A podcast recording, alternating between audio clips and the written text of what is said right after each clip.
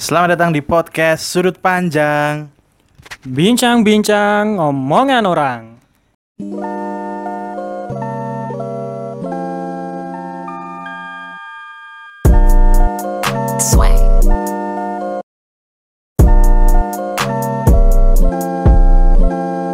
Kenapa omongan orang?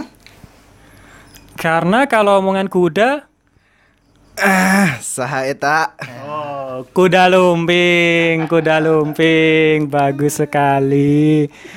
Oke, masih bersama dengan saya Gilar dan kali ini kita full team. Dan ini ada kawan saya, ada Bung Singge dan Bung Razi. Cuman yang spesial dari episode kali ini karena kita ditemani oleh Mas Adit. Mas Adit. Nanti Mas Adit siapa nanti bisa uh, disimak aja nanti di tengah-tengah akan kita kulik lagi nih Mas Adit itu siapa. Seperti itu. Pasti pada penasaran dong. Penasaran? Kan Adit banyak nih, banyak. Adit Sopo Jarwo Ada Adit Bengkel, ada. Adit Kobis ada. Adit Kobis ada. Nah, Nah, ini Adit kita- siapa nih? Ini spesial banget karena Mas Adit ini adalah yang punya dari Ditya Horseland. Nah, Ditya Horseland itu apa? Nanti akan kita eh, bincang-bincang bersama Mas Adit. Nanti Mas Adit langsung yang akan menjelaskan. Ini karena beliau sudah ada di sini, ya iyalah kan kita kita undang. Oke, ini langsung aja kita bersama Mas Adit. Mungkin bisa dijelaskan dulu Mas Adit eh, tentang Dit Ditya ah, perkenalan dulu. Menjelaskan uh, Ditya Outsland. Ya, menjelaskan tentang Ditya Horseland. Ini udah pada kepo nih. Silakan Mas Adit. Oke, eh, sedikit mengenalkan eh, saya Ditya Kurniawan, owner dari Ditya Horseland, Klaten. Eh, kita di sini tempat untuk belajar berkuda. Jadi sekolah berkuda. Jadi bagi yang ingin mau sekolah berkuda, mau bisa berkuda, mau jadi atlet atau hanya sekadar untuk kita olahraga itu berkegiatan, itu ya bisa datang ke Ditya Horseland. Jadi di Ditya Horseland sendiri itu tempat untuk sekolah berkuda gitu. Oke, jadi Ditya Horseland ini sekolah berkuda. Nanti kira-kira kalau udah sekolah di sini dapat ijazah? Mas? Iya. Eh, jangankan ijazah ya gitu. Ya, hanya eh, pengakuan dari semua orang pasti kita berikan gitu. Mantap. Bukan hanya sekedar ijazah, pengakuan itu ada pengesahannya juga. Oh, mantap. Berarti nanti nggak ada kasus. Misalnya aku ke sini ajar naik kuda, wis iso ki. Terus metu aku iso numpak jaran lho. Kancaku muni ora mungkin nggawe-gawe ra ono. Nek kalau sudah belajar di Ditya Horseland, mesti uh, pengakuan dari orang itu kita dapatkan. Mantap sekali. Oke, ini tapi kita ini udah banyak banget Mas. Ini kita udah menyimpan banyak sekali pertanyaan nih untuk Mas Aditya Horseland ini. Apalagi seputar dunia perkudaan. Karena kita minim referensi Mas soal kuda. Kita itu cuma tahu kuda nil, kuda lumping, sama kuda laut. Nah, ini kebetulan kuda yang di sini kan kuda pacuan ya. Nah, mungkin eh, ada pertanyaan nih dari teman-teman nih. Dari Razi dulu ada nggak? Oke, uh, kalau aku ini Mas, pertanyaanku karena tadi kan habis lihat show-nya tadi ya. Itu terus aku kepikiran kalau misalnya kan ini hitungannya kayak penangkaran gitu nggak sih Mas? Penangkaran. Ah kan? Penangkaran itu apa? Nggak maksudnya ini langsung ah kayak gitulah. Nah, kalau misalnya aku pribadi kalau mau punya kuda gitu harus butuh kalau kan ada nih orang yang pelihara singa harus surat-surat gitu. Kalau pelihara kuda sendiri gitu apakah ada kuda jenis tertentu yang boleh dipelihara atau gimana? Oke, kita jelasin dulu. Kuda yang di sini tuh kuda tunggang. Kuda uh, benar-benar bisa untuk kita tunggangi. Karena kuda pacu, kalau untuk kuda pacu sendiri, kuda pacu itu ya hanya joki-jokinya yang boleh naik. Walaupun ini punya orang, orangnya itu belum tentu boleh naik. Karena kudanya itu kalau misalnya dinaiki sama orang yang belum pernah, atau belum bisa, itu membahayakan. Karena yang eh, dipahami kuda pacu ya sekali dia udah dinaikin pasti harus lari kencang Iya. gitu dan susah direm gitu. Nah, sedangkan bedanya dengan kuda tunggang, kuda-kuda kuda tunggang itu sendiri, kuda yang bisa benar-benar buat kita belajar, buat kita have fun gitu. Benar-benar kita benar-benar bisa fun reading gitu. Eh, kita bisa santai, kita bisa nggak tegang dan itu nggak membahayakan kita gitu. Jadi kita bisa berlari, bisa berhenti, bisa jalan-jalan. Nah, ini kan benar-benar kita yang mengendalikan, bukan semau kudanya. Kalau dipacu itu semau kudanya, karena benar-benar dibuat kuda itu apa ya sebinal mungkin, sekencang mungkin, seagresif mungkin. Tapi kalau ditunggang selembut mungkin, sesantai mungkin, se senyaman mungkin gitu, Relax Ah, gitu. relax Jadi gitu. kayak teman sendiri. Betul gitu. Nah, untuk kuda eh, itu dipunya eh, punya eh, punya kuda itu saya sebetulnya eh, apa ya bebas-bebas aja gitu. Asal eh, dokumen, surat akte kelahiran itu kita punya. Oh, itu harus ada. Harus ada gitu. Jadi kuda ini buyutnya siapa, yuyutnya siapa, sam Ah, iya ada malah lebih detail kuda daripada manusia Iya gitu. iya. Kadang-kadang kan kita tiga generasi aja lupa Lupa. kuda itu sampai 12 generasi masih ada gitu. harus ada itu, harus. ada, ada ada ada di webnya di manusia kan belum tahu ada, ada, ada webnya kan. Kalau kecuali di kepala di apa di kelurahan gitu. Kalau di itu bisa diakses seluruh dunia kalau di kuda itu. Gitu makanya. Jadi eh, kuda tunggang ya berarti ya yang buat di ini. Emang sih kalau tadi katanya kuda pacu itu sekali dinaikin nggak bisa berhenti gitu ya. Maksudnya harus harus joki tertentu. Nah, emang kayaknya kita kita bertiga ini emang kurang dipacu kali ya. Makanya kuliahnya nggak selesai selesai ini. Tapi tadi mas ngomongin ini kan berarti tempat wisata ya, tempat wisata dan di sini itu kuda tunggang. Nah yang mau saya tanyakan mas, kuda-kuda yang dipekerjakan di sini itu gajinya UMR atau gimana? Tuh, mungkin UMR kuda misalnya satu karung makane. Iya betul betul. Kalau di sini tiga kalinya UMR. Kuda-kuda di sini. Pantas. Gitu ya. Jadi anggapan aja satu hari kuda itu makan 200 ribu.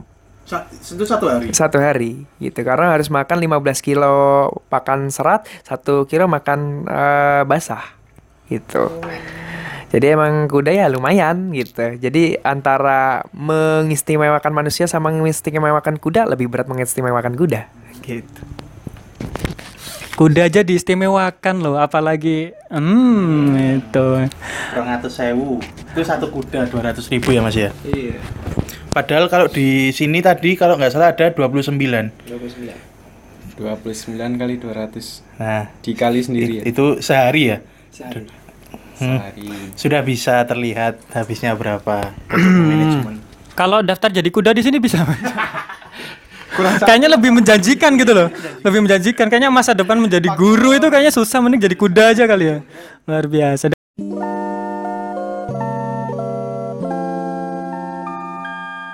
Dari Bung Singgi ada pertanyaan nggak? Hmm, saya mau tanya tentang lokasi apa Ditya Horsenen ini kenapa dipilihnya di sini?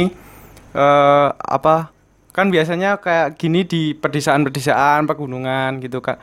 Kok kenapa di sini di di dekat kota terus dekat rumah sakit Islam juga? Itu kenapa dekat RSI apa karena takutnya kalau jatuh apa cepet gitu langsung dilarikan gitu, Sekudanya sekali.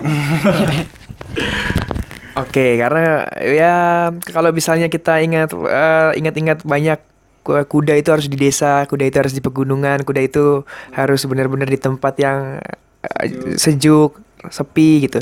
Sebetulnya kita makanya di- di- bisnis itu harus dibuat beda gitu kan? Ya bisnis itu harus dibuat beda. Karena kalau kita hanya sekedar yang sudah-sudah ya apa bedanya dengan yang lain gitu? Karena bisnis itu pandangan kita harus berbeda. Ya bagaimana kuda kita eh, bisa punya kandang itu di kota tengah kota di tengah keramaian di tengah benar-benar orang itu mudah ter- menjangkau gitu kan? Nah oleh karena itu eh, kita juga memilih lokasinya di dekat eh, keramaian juga di tengah kota Klaten. Nah, nah kenapa deket RSI, deket Rumah Sakit Islam Klaten gitu? ya sebetulnya ya nggak masalah mau jatuh mau itu emang kita selalu bilang resiko naik kuda ya jatuh. Kita naik resiko naik kuda, eh, motor nabrak. Kita naik resiko apa pun pasti ada resikonya kan gitu ya. kita tidur aja bisa punya resiko gitu kan? nah, ya. Hanya ya, apa bukan hanya sekedar kuda yang punya resiko tapi semua hal yang apa kegiatan yang kita lakukan pasti punya resiko gitu.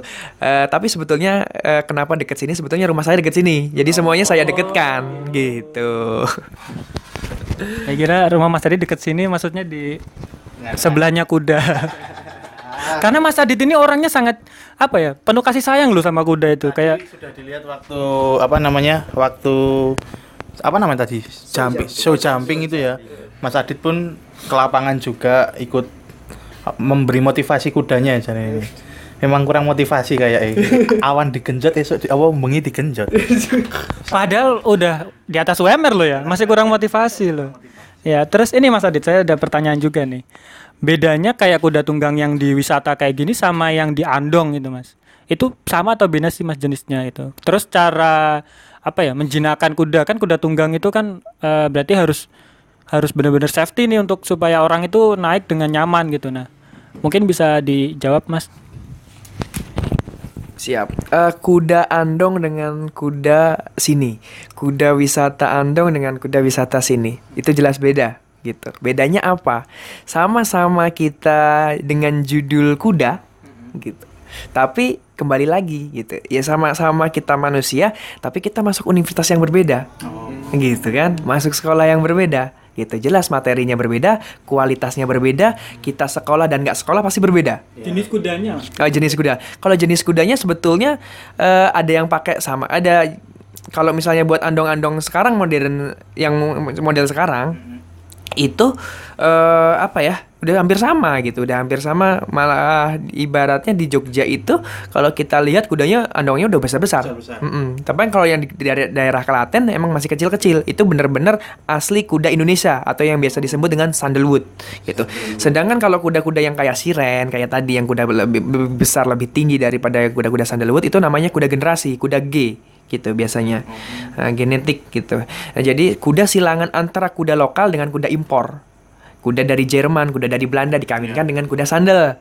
Nah, jadinya keturunan itu. Jadi ada darah turunan, darah birunya gitu. Nah, untuk eh, itu sebetulnya kuda mau kuda gimana pun tetap bisa. Ya sama sama kita yang ibaratnya eh, apa ya tergantung bakatnya juga sih gitu. Tapi namanya dilatih, namanya belajar, namanya apa ya di eh, upgrade skillnya pasti jelas berbeda. Tapi kembali lagi kuda itu juga punya otak gitu ya. Ada yang pintar, ada yang agak gimana gitu kan. Tapi ya saya sela- sejauh ini mengamati itu ya kalau kuda andong kita harus perlu ngelatih lagi untuk masuk kuda tunggang gitu. Tapi kalau kuda tunggang untuk jadi ku- kuda andong otomatis pasti lebih cepat. Gitu karena dia udah menyerap ilmunya lebih lebih berat. Iya. Kalau kuda andong kan tinggal tinggal tinggal dipasangin sudah Iya. sudah bisa. Cuman kalau misalnya dari kuda andong jadi kuda tunggang itu yang berat karena nggak biasa ditunggangin, tapi menarik gitu. Ya intinya eh, jenis sama, yang membedakan adalah materinya gitu. Eh, saya mau tanya satu lagi ke kuda-kuda di sini itu suka ngambek nggak ya mas? Nah kalau kuda-kuda ya sebetul betul, ya sama kayak manusia. Perasaan kuda malah lebih dalam daripada itu. Kalau kalau oh, iya, ya. Sampai satu, eh, satu ketika pernah kuda itu eh, lepas dari kandang gitu kan. Sampai eh, lepas di kandang keluar sampai per- pertigaan dia ngamuk-ngamuk sendiri. Berdiri nggak jelas kayak gitu. Ternyata keesokan harinya rumah yang di depan pertigaan itu meninggal. sesensitif itu gitu ya ya, berarti ya? ya karena kuda emang benar-benar bisa ngerasain situasi alam gitu terus yang kedua eh yang kedua tiba-tiba jam 2 malam kuda itu mengamuk. Nggak jelas gitu. Nggak jelas kiranya kudanya kembung apa. Ini enggak ternyata kita lihat HP ada 20 miss call dari keluarga yang dapat musibah. Kita nggak bangun kuda yang membangunkan. Sampai sedahsyat itu kuda gitu. Karena apa?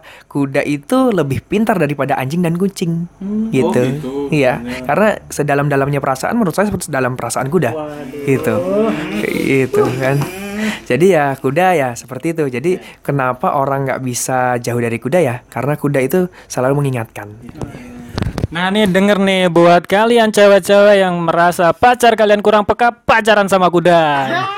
Ya kuda lebih peka dari kita. Gaji kuda tiga kali UMR. Hmm. Sudah pasti sporty. Kuda peka. Gagah. Gagah. Sikile papat. Kurang apa tau bro? Mending kuda. Rambutnya panjang. Nah ngomong-ngomong soal rambut nih mas, saya ada pertanyaan juga nih. Untuk kuda poni mas, itu poninya itu di depan apa di samping?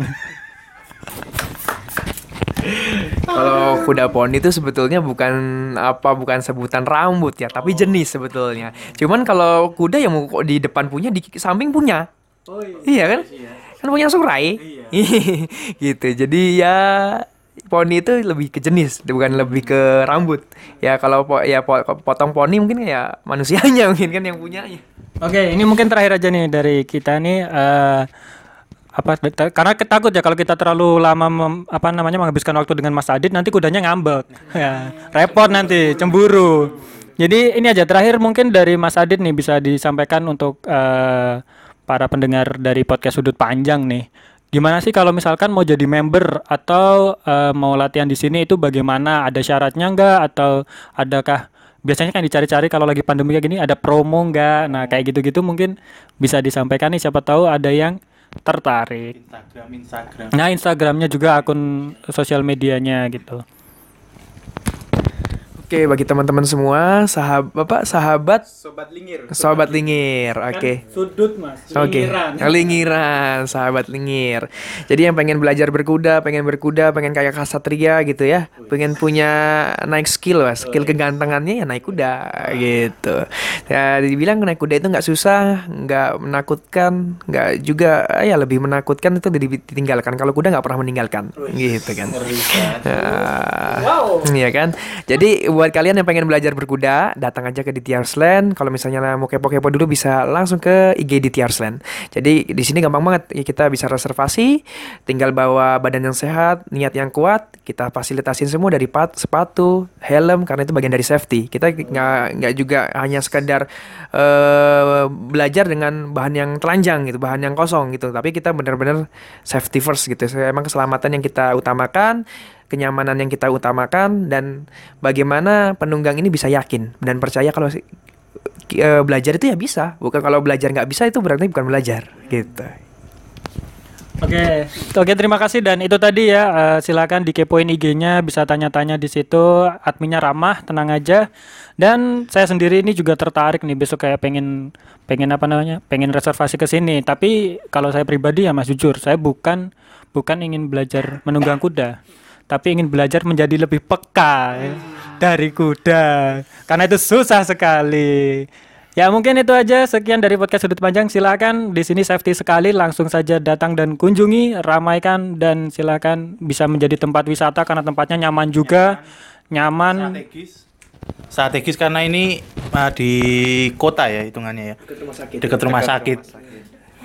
Ya jadi di sini strategis nyaman dan fotogenik juga apa sih namanya Eh, instagramable bisa langsung ke sini nih buat kalian sista-sista nih Oke, mungkin cukup sekian dari kita podcast sudut panjang. Sampai jumpa di episode berikutnya bersama kuda.